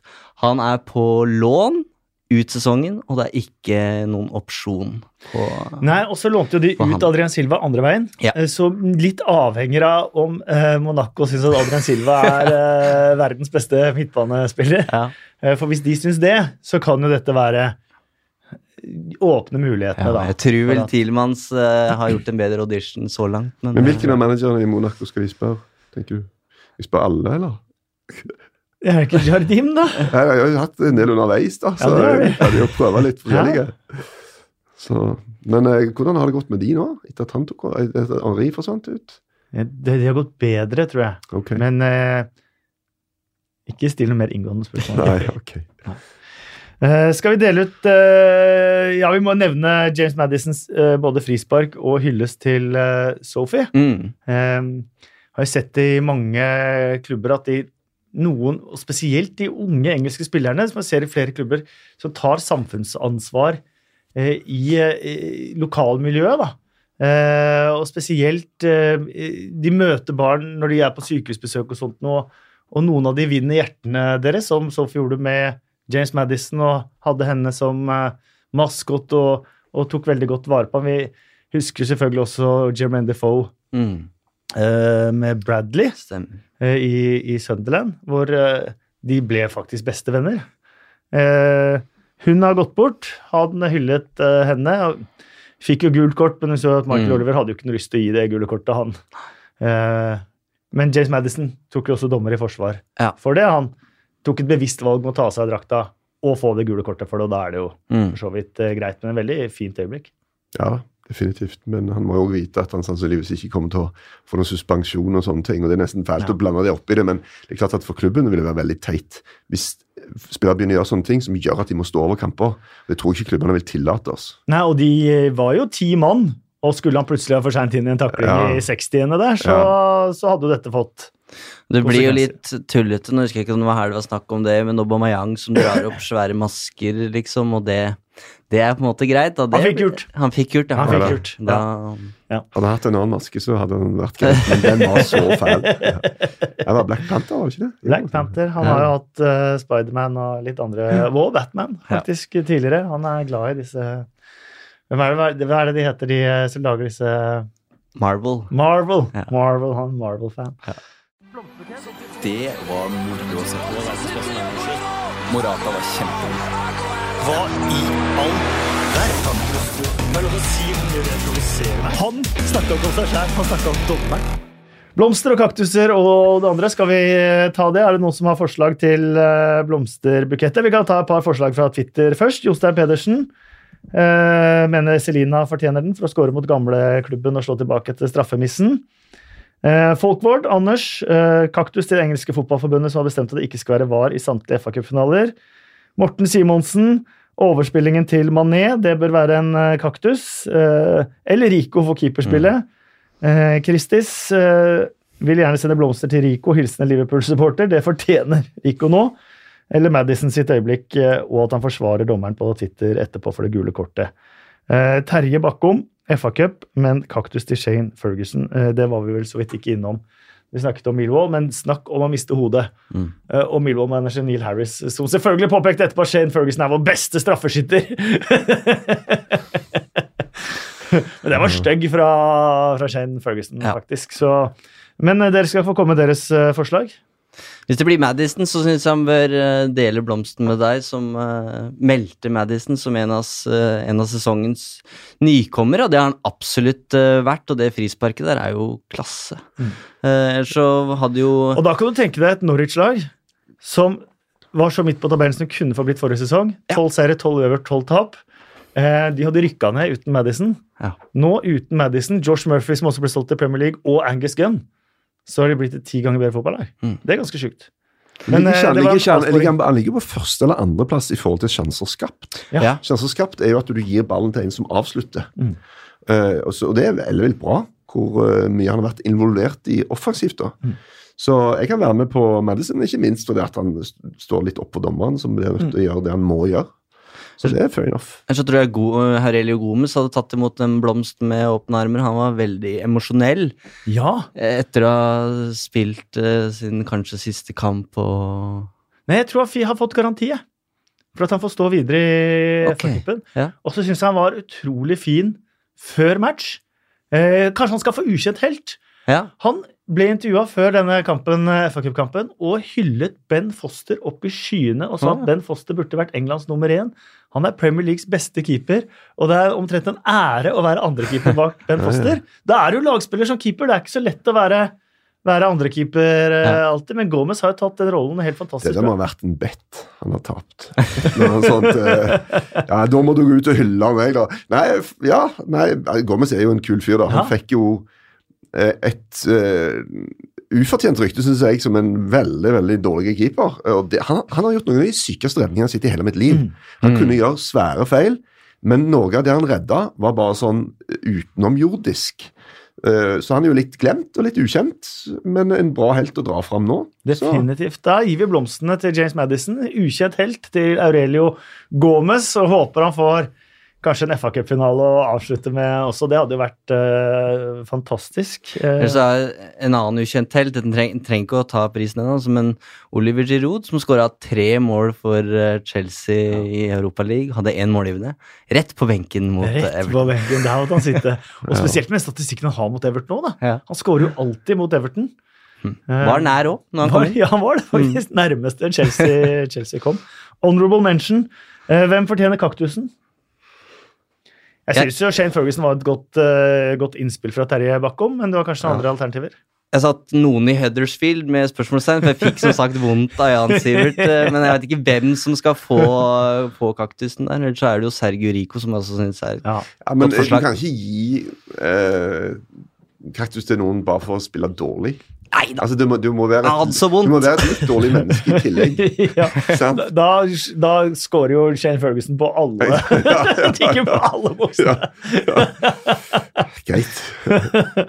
Eh, øyeblikket, da? Jeg føler jo øyeblikket må komme i kanskje rundens kamp, som var Westham Huddersfield. Eh, og så syns jeg det var gøy med han Carlen Grant, og det målet han scorer der, er jo fantastisk. Eh, det langskuddet som han bøyer i Ja. lengste der. Men når seieren da ikke ender til Huddersfield, så blir det jo på en måte litt rart, i hvert fall dramaturgisk, å gi, gi han rundens øyeblikk. Så kanskje skåringa til eh, Hernandez eventuelt, da. Vinner målet. Jeg tenker jo at eh, straffen, altså, det, det, det tror jeg ah, Altså, hvis ikke Liverpool hadde slått Fulham, det er vært tre poeng Altså, de har vært bak med én kamp mer spilt. Mm. Og da tror jeg det løpet hadde vært kjørt. Mm. Altså, det hadde ikke City kommer til å avgi poeng, men nå kunne de tålt å tapt en match. Og like, Og det tar av presset for Manchester Ja, ja. City, så antageligvis hadde de hatt Så- bedre resultater, Ja. de òg. Så jeg tenker, For meg er det liksom øyeblikket når Rico bare får fullstendig uh, rullegardin og bare Ok, jeg er en veldig dårlig keeper, men i tillegg så skal jeg ta og legge han i bakken. Eh, Jeg er enig. Eh, vi eh, skal straks eh, over på Bill Edgar, men først så må vi ta to ord om championship. og for Ja. Nå nærmer det seg såpass at, at dette er lag vi skal ha i Premier League neste sesong, noen av de. Et enormt derby på Ellen Road, egentlig rundens kamp, Mm. eh, spør du meg. jeg tok fly til England på fredag, og der var det mye Elites-fans. Det var det vel. fullt av Elites-fans, Og de var så gira og klare og optimistiske. Og jeg prøvde å antyde med at eh, ja, Bielsa-lag eh, har vel kanskje en tendens til å løpe seg sjøl litt i senk, eller? Eh, Sånn. Nei, nei. Leeds er alltid best på våren. Det kan du bare glemme. Her er det Så det er mer med Leeds å gjøre enn med Bielsa ja, å gjøre. ja, Ja. ja. Det som skjedde, var jo at Leeds møtte Sheffield United. Leeds var to poeng foran Sheffield United på andreplass, United på tredjeplass. Um, Sheffield United vant 1-0 eh, på Ellen eh, Road, men skulle sannsynligvis hatt et rødt kort i første omgang på en uh, takling på Pontus Jansson. Mm. Pontus Jansson ble etter hvert så skadd etter at de hadde brukt opp alle innbytterne, at han ble satt opp eh, som spiss, holdt på å skåre 1-1. Så ble Leeds-keeper Kiko Kasia utvist. De hadde som sagt brukt opp byttene. Så da var Pontus Jansson i mål med keeperdrakt og hansker. eh, Og med opp på en corner med keeperdrakt. Det var fullstendig haraball eh, der. Men eh, jeg tror Sheffield United nå har holdt nullen i syv kamper på rad. Da er det vanskelig å slå ja. dem. Det er bra prestasjon, altså. Det, jeg ser enkelte sånne rekorder på liksom over 1000 minutter og sånt, og det er, det er ganske sykt. Eh, og Chris eh, Wilder, som er den gode, gamle eh, engelske skolen-manager, han er jo hjemme i Sheffield United. Eh, det er, de har jo dårlig rykte, alle disse her, eh, gode, gamle engelske managerne. Hvis man ser hva han har gjort de siste sesongene, så vil jeg tippe at hvis du tar de fire siste sesongene, eh, antall poeng, så er det ingen som kan være i nærheten. Først rykka han opp Northampton. Så dro han fra Northampton til Sheffield United. Så rykka han opp Sheffield United. Eh, så havna han helt oppe i toppen forrige sesong med Sheffield United som nyopprykka lag. Eh, og nå ligger han på andreplass med Sheffield United i deres andre sesong i, i Championship. Det er de Mm. fire siste sesongene til Chris Wilder. Det er helt ellevilt. Mm. Det blir spennende å se hvem vi får opp. Hvis det blir Leeds, da, eh, so, Det er jo det he alle håper på. Ja, og jeg tror også en del eh, United-supportere egentlig håper Mm. på det, for det er et ganske heftig lokaloppgjør. Og jeg mener husk at sånn på begynnelsen av 2000-tallet, i hvert fall, så var det på en måte heftigere enn United City. Uh, fordi Leeds hadde vært bedre i så mange år. Så det, det blir et nytt lokaloppgjør i Premier League som er verdt å få Jeg var jo en liten gutt når Leeds uh, var veldig gode, og var jo ganske innovative òg. Og kom annet med nummer på strømpene. Mm. Så jeg kjøpte det. Jeg hadde det. Sånn liten, Du knytta rundt, og så hang det ned på sida av, av strømpene. Så veldig kult ut. Nummer på strømpene. Det var, det var ikke, ikke, ikke trykt på, men du knytta det rundt, så det hang og dingla litt. Kult. Ja. Det har vært vanskelig for kommentatorene. Hvis ikke de kjente spillerne godt. Men hva med Norwich, Kasper? Det var derfor du Nei, det var ikke derfor. Det var eh, egentlig for det andre. Mitt neste punkt her er Aston Villa, som okay. vant uh, 2 av 15 uten Jack Grealish. Eh, Har vunnet samtlige fire kamper med Jack Grealish tilbake. Grealish har vært banens beste i alle fire kampene, og nå er de oppe på playoff! Uh, og Aston Villa skal ikke være championship, det må vi bare si. Det var ikke bare nummer på strømpene, Kasper. Det hadde nummer på drakten i hadde det. For Celtic Altså, inntil altså, dette, altså, dette, hæ? Trodde han at det var, var sånn lite nummer på strømpen? At, ikke, at det var da å ikke ta noe bak på ryggen? Ja. Nei, Kasper, det hadde det i tillegg, da. Uh, og nå kan vi gå tilbake og snakke om Aston Villa. Nei, for, ja, men det var, Da må jeg bare få legge til at uh, grunnen til at jeg trodde er at Celtic inntil godt, og på 90-tallet faktisk, i hvert fall starten av 90-tallet, kun hadde nummer på shortsen, Oh, ja. og ikke på, på ryggen. Ja. Eh, så det hadde ikke vært helt er, og det er vel noen amerikanske eh, lag tror jeg, som har valgt å ikke ha navn bak på drakten. Fordi skal ikke handle om den enkelte. Det skal handle om fellesskapet. Ja. Det skal handle om laget. Og, bare som en digresjon, når uh, Phil Foden og gjengen vant U17-VM eller noe sånt, så gjorde de en liten greie med en gang kampen var slutt, som de fikk veldig Ja. mye kritikk for. Tok De de tok, tok drakten av seg, og så snudde de. Åh, Mm. Så at navnet var framme. Det var en ganske rar sak å faktisk komme på å gjøre Ja. det. da. Og jeg fikk mye kritikk for at det er typisk sånn unger nå er opptatt av seg sjøl og Mm. ser kule ut på sosiale medier. og- Og det er jo en god overgang faktisk til Norwich og Timo Pukki. fordi at eh, Timo Pukki han har ikke skåra de siste kampene, men han har hatt eh, plutselig målgivende. Eh, og stjålet overskriftene 'There's no I in teamet'. Mm. Ja, det var en fin overgang. Det er. Så jeg følger jo ikke championship like tett som deg, Kasper, men det er jo et veldig godt tegn, da, og det er gøy når, det er, når du vil ha så mange opp, lag opp Mm. fra championship til Premier League. Ja. Eh, Leeds, som ikke har vært der for mange år, som mange har venta på lenge. ikke sant? Aston Villa, som hører hjemme i Premier League. Norwich, som spiller fin fotball, og Sheffield United, som i hvert fall overrasker meg, da, som ikke følger dem så tett. Så det er gøy. Det er kjempegøy, og det man kan faktisk ende opp med her eh, til slutt, er jo at Sheffield United rykker opp direkte, og at Sheffield Wednesday tar kvaliken, for de har funnet form under Steve Bruce. Eh, da får du Steel City Derby plutselig i Premier League. Det, det frister jo litt, det om Ja. jeg faktisk innrømme. Mm. Um, så det er veldig morsomt, spesielt det playoff uh, Ja, det er de tre i toppen, og så er det det playoff-racet. Det er to eh, utrolig morsomme eh, varianter. Og uh, ingen forkleinelse for noen, men når du har Cardiff i en match i Premier Mm. League, så er det liksom bunn mot topp, og det er liksom eh, eh, nesten gitt mange av resultatene der og sånt noe. Eh, Leeds mot topplagene er jo kjempekule matcher hver eneste gang. Det er jo eh, sånn i størrelse av klubber, og i tillegg da den X-faktoren man får opp Bielsa, er jo, eh, gir jo Premier League en ny dimensjon om blir skal rykke opp. Men er det sesongens store overraskelse at Neil Warnock fortsatt er Cardiff-manager? Sesongens store overraskelse er vel egentlig at han ikke har sånn klikka sånn fullstendig ennå. Han har Ennå, ja. hatt et par, tendenser et par ganger hvor han Ja. har blitt eh, ordentlig rasende. Eh, men så med tanke på sånn som han holdt på, har holdt på alltid. Mm. Eh, og hadde et par ordentlig stygge situasjoner forrige sesong også. da Han de hadde jo brexit-talen sin, da. Brexit-talen hadde han. Fuck Ja, the ja. rest of the world. Men det Eh, er overraskende er jo at, eh, at de faktisk ikke har rykka ned ennå. Ja. Det må vi si, og det er jo veldig positivt i forhold til Neil Warnock og jobben han har gjort. Men dette var vi inne på i podkasten i starten av sesongen, eh, Erik, og også i 100-timerssendingen, at når du kommer med en så radikalt annen Mm. spillestil enn de andre, eh, du, ditt vei til målet er så forskjellig, så er det en stor forskjell, egentlig. Ja. Eh, fordi sånn som så ser mange av lagene med små, midt, små spillende midtstoppere, eh, ikke så duellsterke, etc., etc., så kommer det der punchlaget der som går mann-mann med elleve mann på hele banen. Ja, Du kan bare trekke parallell til Fulham, som var et possession-lag som skulle opp. og Det er enormt vanskelig å ta det fra championship opp i Premier League, for du møter mye bedre lag og mye bedre spillere. Så det at du har en mer direkte tilnærming, er i utgangspunktet en fordel Mm. når du skal opp i Premier League.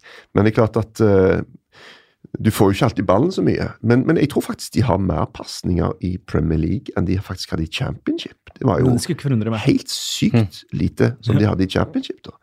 Så, eh, men uh, Snakka med Stefan Johansen om det faktisk etter den første kampen uh, Fulham Palace, som var over og kommenterte.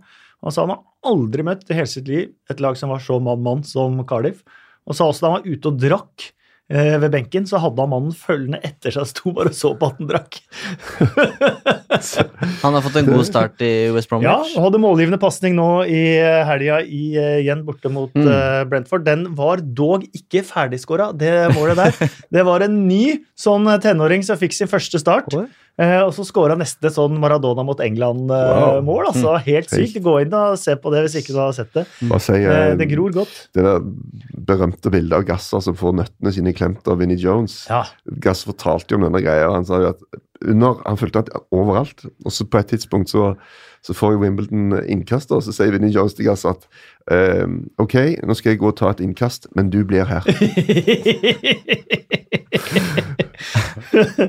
og det var en liten overgang til Ross Barkleys nøtter i, Ja, i, mot uh, Chelsea der. Det så ikke godt ut. Det så på ingen måte godt ut. Vi går til billeddet. Bill Edgar. Arsenals syv siste. Aldri skjedd! Første gang siden er den sjette spilleren. Fun factsene til Bill Edgar. Eh, statistikkmannen i eh, The Times eh, han har eh, sin eh, egen side i eh, bilaget The Game eh, med sine betraktninger. Eh, ganske mye Bill Edgar eh, denne gangen. Jeg lurer på om det er for å skjule at han ikke har funnet de mest innfløkte fun factsene denne gangen. Men har han funnet West Morgan, eller? Nei, den var ikke der. Den vår egen personlige der. Bill Edgar i studio. Ja, definitivt. Eh, Men han hadde en annen Leicester-rekord der fra samme tidspunkt i Premier League-æraen. Fra 92, altså. Ja. Eh, At Leicester er det første laget da i denne æraen som har fått en spiller utvist i løpet av de fem første minuttene, men likevel vunnet.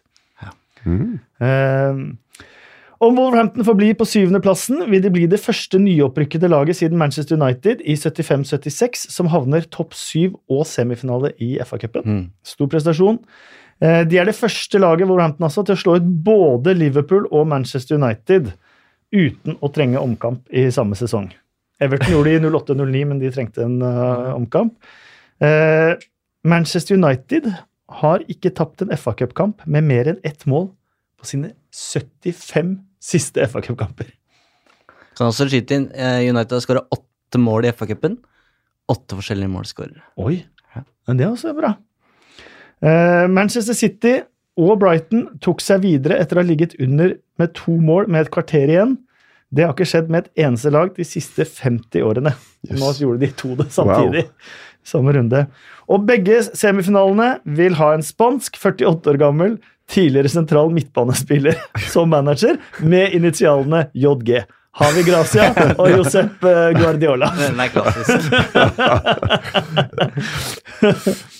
Wolverhampton og Watford i semifinale. Det betyr to lag på W i semi for første gang siden 1907. Da West Bromwich og Woolwich Arsenal tok seg til semi. Der kan jeg også skyte inn en, Kasper. Hvis Ja, du vil ha en Huddersfield har skåra 18 mål i Premier League denne sesongen. Det er ikke så mange, eh, men 39% av de måla har kommet mot et lag på W. Oi, den er fin! Og de har bare ett lag igjen resten av Premier League-sesongen som er eh, på W. Det er Watford. Så da rykker nok de ned. Jeg lurer på om du kan søke jobb Ja. Trenger ikke den Edgar-spalten du lenger nå, Kasper.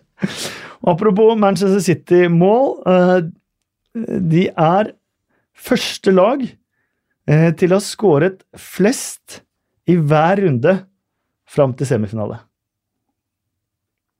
De skåra flest i tredje runde, skåra flest i fjerde runde, skåra flest i femte runde. Oi. Eh, og de har da altså skåra 19 mål, og er da det mestskårende laget fram til semi siden Everton i 1930-1931-sesongen. De hadde 22 mål fram til uh, semifinalen. Da hadde jo de Dixie Dean. Og City har også hatt veldig tøffe matcher hele veien. Ekstremt. Det var noen som mente de kanskje kom til å få Newport i Champions. League. um, men Manchester City, den siste, lå under i 58 minutter mot Swansea. Det er det lengste de har ligget under i en kamp på over to år. Et godt lag, altså. De er et godt lag. Det var jo veldig lenge her veldig mange litt triste Manchester United-supportere da vi kom til denne spalten. For veldig mange av disse faktaene handlet jo om hvor bra Manchester City var, hvor dårlig Manchester United var sånn historisk sett. Solskjær har Ja. gjort denne spalten litt lystigere for Ja. dere, Eivind. Den der skåra fem mål. Hvor lenge, altså, Du har fått med deg den? Ja, det var den verste, og den ble repetert i denne podkasten altså- så mange ganger. Men den var drøy, altså. Ja, var Men. Solskjær brukte jo 90 minutter på Ja. ja, Ikke det engang, på å slå den. da. Ja. Det gjorde han. Uh, vi tar en liten runde på Twitter før vi avslutter. Uh, eh, Truls Andresen, eh, Theo, 30 år, over 100 mål for Arsenal, synes faktisk han, en av de aller mest sympatiske, får for lite kred. Er han i Chris Huton-kategorien med for lite kred, eh, Erik? Hvem snakket om Theo nå? Walcott. Uh, han er jo en litt sånn uh, frustrerende spiller på mange måter. Du føler jo at Apollo er kanskje enda bedre der, men eh, han har jo vært med i veldig mange år og holder jo på og Men han er, blir, kommer ikke til å bli huska som en av the greats, tenker jeg. Nei. han var på vei der. Ja. Han hadde, var det en sesong han hadde 16-17 mål, og nå endelig Theo Walcott. Ja. men enig, han virker som en fyr som har hodet ned og jobber hardt og Ja. for laget. Og, men nå har han vel ett mål på siste 30 kampene eller noe sånt også, da, så eh, Vet ikke Men- hvor mange som innbytter, Erik. Nei, nei, sant. Nei, nå må du komme, må du ha tallene riktige her. Så, men jeg tror mange av disse folka her altså det, det, det er enormt mange som mener veldig mye om Og mange på sosiale medier og sånt. Og, men det er ikke noen sånn grunn til at fotballspillere skal være noe bedre mennesker enn andre. Jeg tror ikke noe verre heller. Jeg tror han er en eh, en ok fyr som han gjorde noe veldig usympatisk mot eh, Tottenham en gang han ble skada og ble båret ut. Og han viste 2-0 på Ja, våre. det var det var kjempesympatisk. Ja, altså. hetsa, liksom. Nei, vet du hva, det må han tåle. Det er helt greit. Det må han tåle. Uh. Mikael Johansen, uh, hvem vinner Champions League og Europaliga, og blir det fem engelske lag i Champions League neste år? Jeg tenker jo nå at Chelseas beste mulighet for Champions League nå er å vinne Europaligaen. Mm. Men er kanskje fjerdeplassen forsvinner som Champions League-plass? Ja, eh, det gjør den jo hvis engelske Hvis, for, Hvis to lag fem, utenfor. og, hvis lag fem og seks vinner Champions League og Europaliga. Ja. Ja, Det tror jeg ikke skjer. Men det kan skje. Det kan skje. Kasta ut som en sånn liten uh, Ja. uh. Eh, men Ja, jeg men tror Chelsea faktisk vinner Chelsea, Jeg tror Chelsea vinner Europaligaen. De fikk Slavia Praha, var det ikke det? Jo. Så, det, Ja, Chelsea gjorde det. Ja. Arsenal fikk jo Napoli Ja. Arsenal. Ja. så med Arsenal og Napoli så forsvinner jo også et godt lag.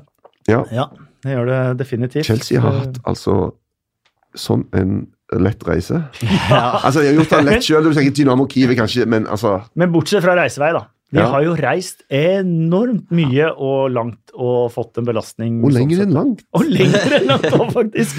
Um, Champions League. Det er jo spesielt med fire engelske lag. Jeg ser at det er en del på Twitter som holder med engelske lag, som skal ta igjen på de som uh, syns at La Liga er den beste ligaen på Twitter. For meg så Det går i bølger. Ja. Eh, Noen år så er La Liga kanskje best og kommer lengst i Europacupen, andre år så er det engelske lag eh, ikke en vits å hovere oss den ene eller andre veien. Engelske lag har underprestert lenge. Det har de gjort. Det er det ingen tvil om, altså. Og dette er jo sånn det bør Så- være, kan du si. Ja, da. Men så ingen, ingen, ingen vits, det, Poenget mitt var ingen vits å hovere nå Nei. Nei. eh, likevel. For dette kan også fort snu neste sesong allerede igjen. Nå, Ja, jeg får bare så en sånn greie med liksom, Ok, Real Madrid gikk på trynet. Veldig mange hoverer.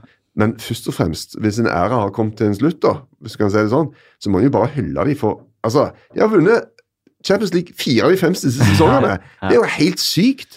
Altså, Det er bare så bra prestasjon når du vet hvor mange lag med mye penger og enormt gode spillere som prøver på å vinne denne greia. Mm.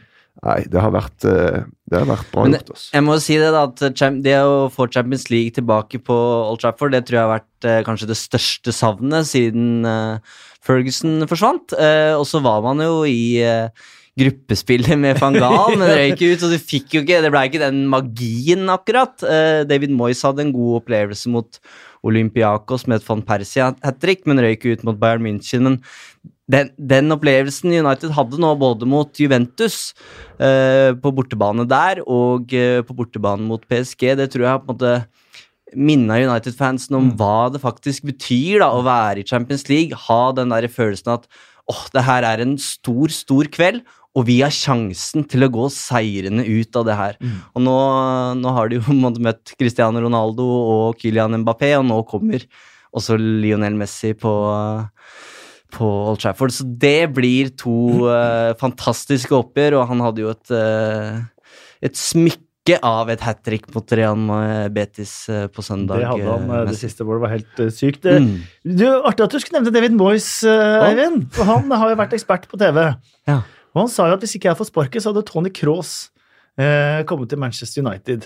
De hadde hatt mange samtaler. Eh, han var eh, misfornøyd i Bayern. Han var eh, egentlig så å si klar. Men da ble jo Real Madrid siden Moyes fikk sparken, da. Eh, og de hadde et helikopter stående klart for å hente Gareth Bale. Hva er det med David Moyes og helikopter? ja. Juan Mata kom jo også i helikopter i januar. Det. Det kunne Bale gjort òg i det januarvinduet der. Da sto et helikopter på standby klar til å, til å hente, hente Bale. Det høres ut som en lang helikoptertur fra Ja, ja. Manchester, da!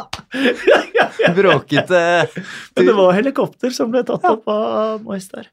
Så eh, følte du det var litt bittert nå at Moyes fikk sparken, eller? Nei, Jeg skal innrømme at min første tanke er vel at jeg tror ingen av de kunne redda David Moyes. Dessverre. Han kunne heller ikke redde seg, seg selv. Uh, Kim Are spør, uh, den tror jeg mest til meg, faktisk.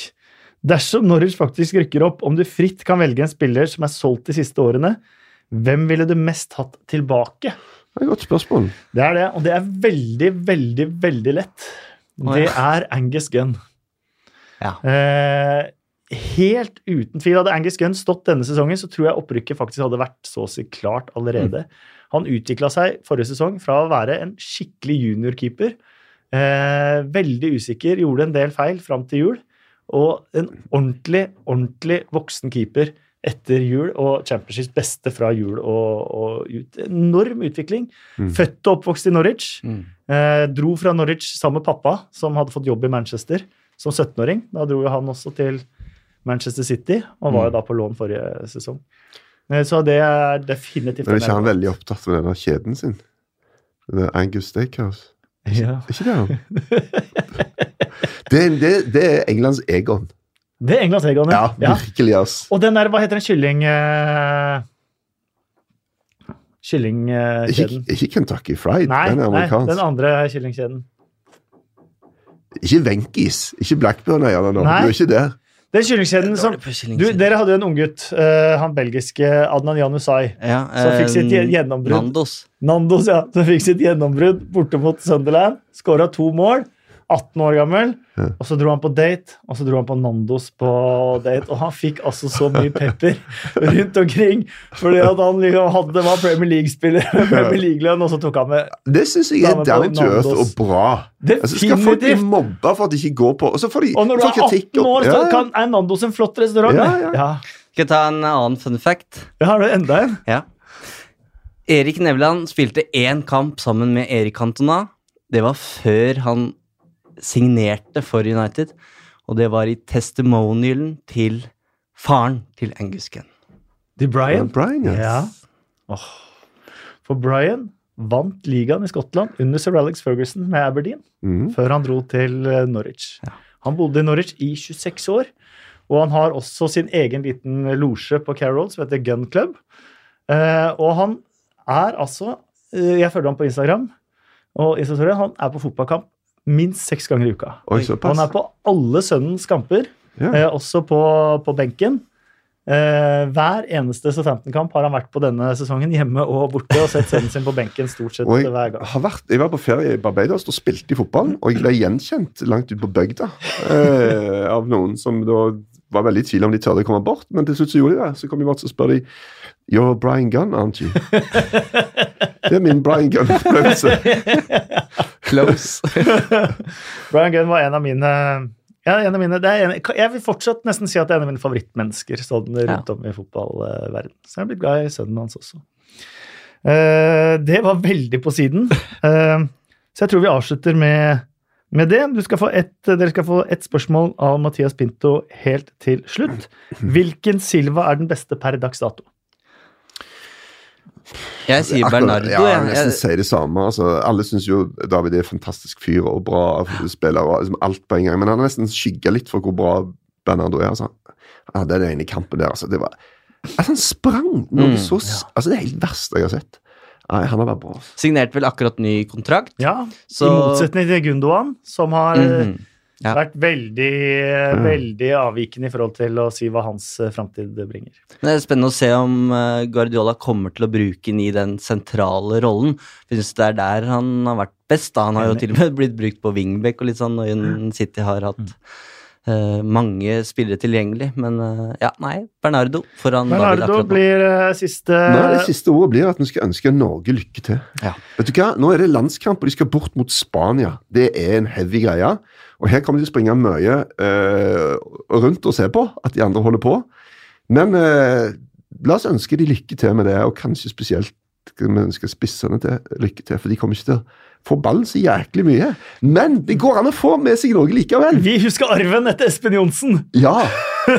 Og Da Raoul skulle lobbe Espen Ja. Johnsen, det er et av mine vakreste eh, fotballminner, faktisk. Eh, Raoul, eh, kjent for å chippe keeper, og gjorde det ofte. Det visste Espen Johnsen.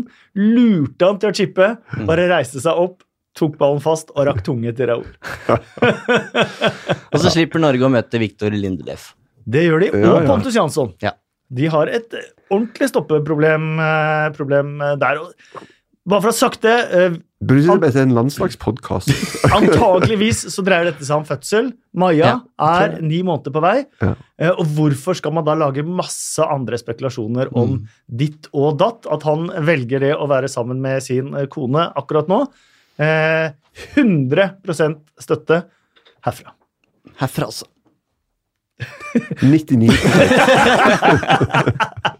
Lykke til mot Spania, lykke til Yes, hjemme mot uh, Sverige. Joshua King i skåringsform Yes. før, uh, før uh, de skulle ut i, i landskamp. Martin Ødegaard i kanonform. Det er vel bare Mm. Hakim Syek som har skapt flere sjanser enn Ødegaard i nederlandsliga denne sesongen. Eh, håper de kan upsette dem. Tenk hvis de får med seg noe fra Spania.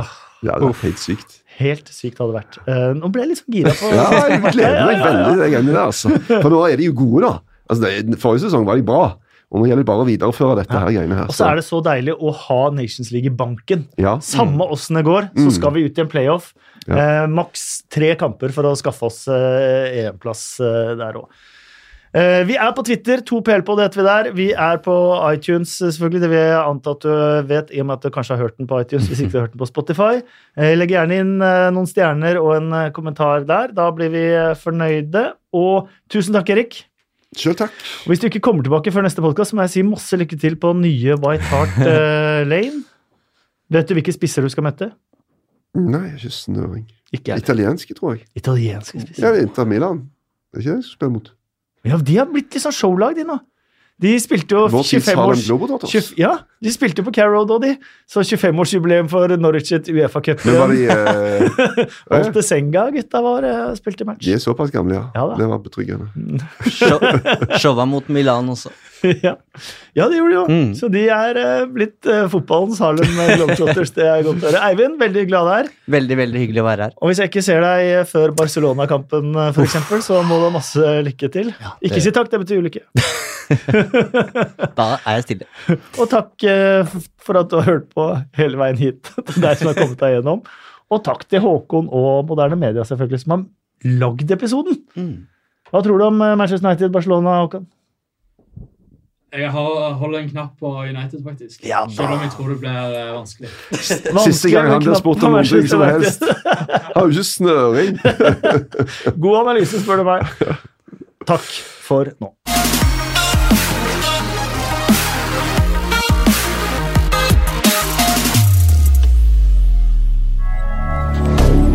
Moderne media.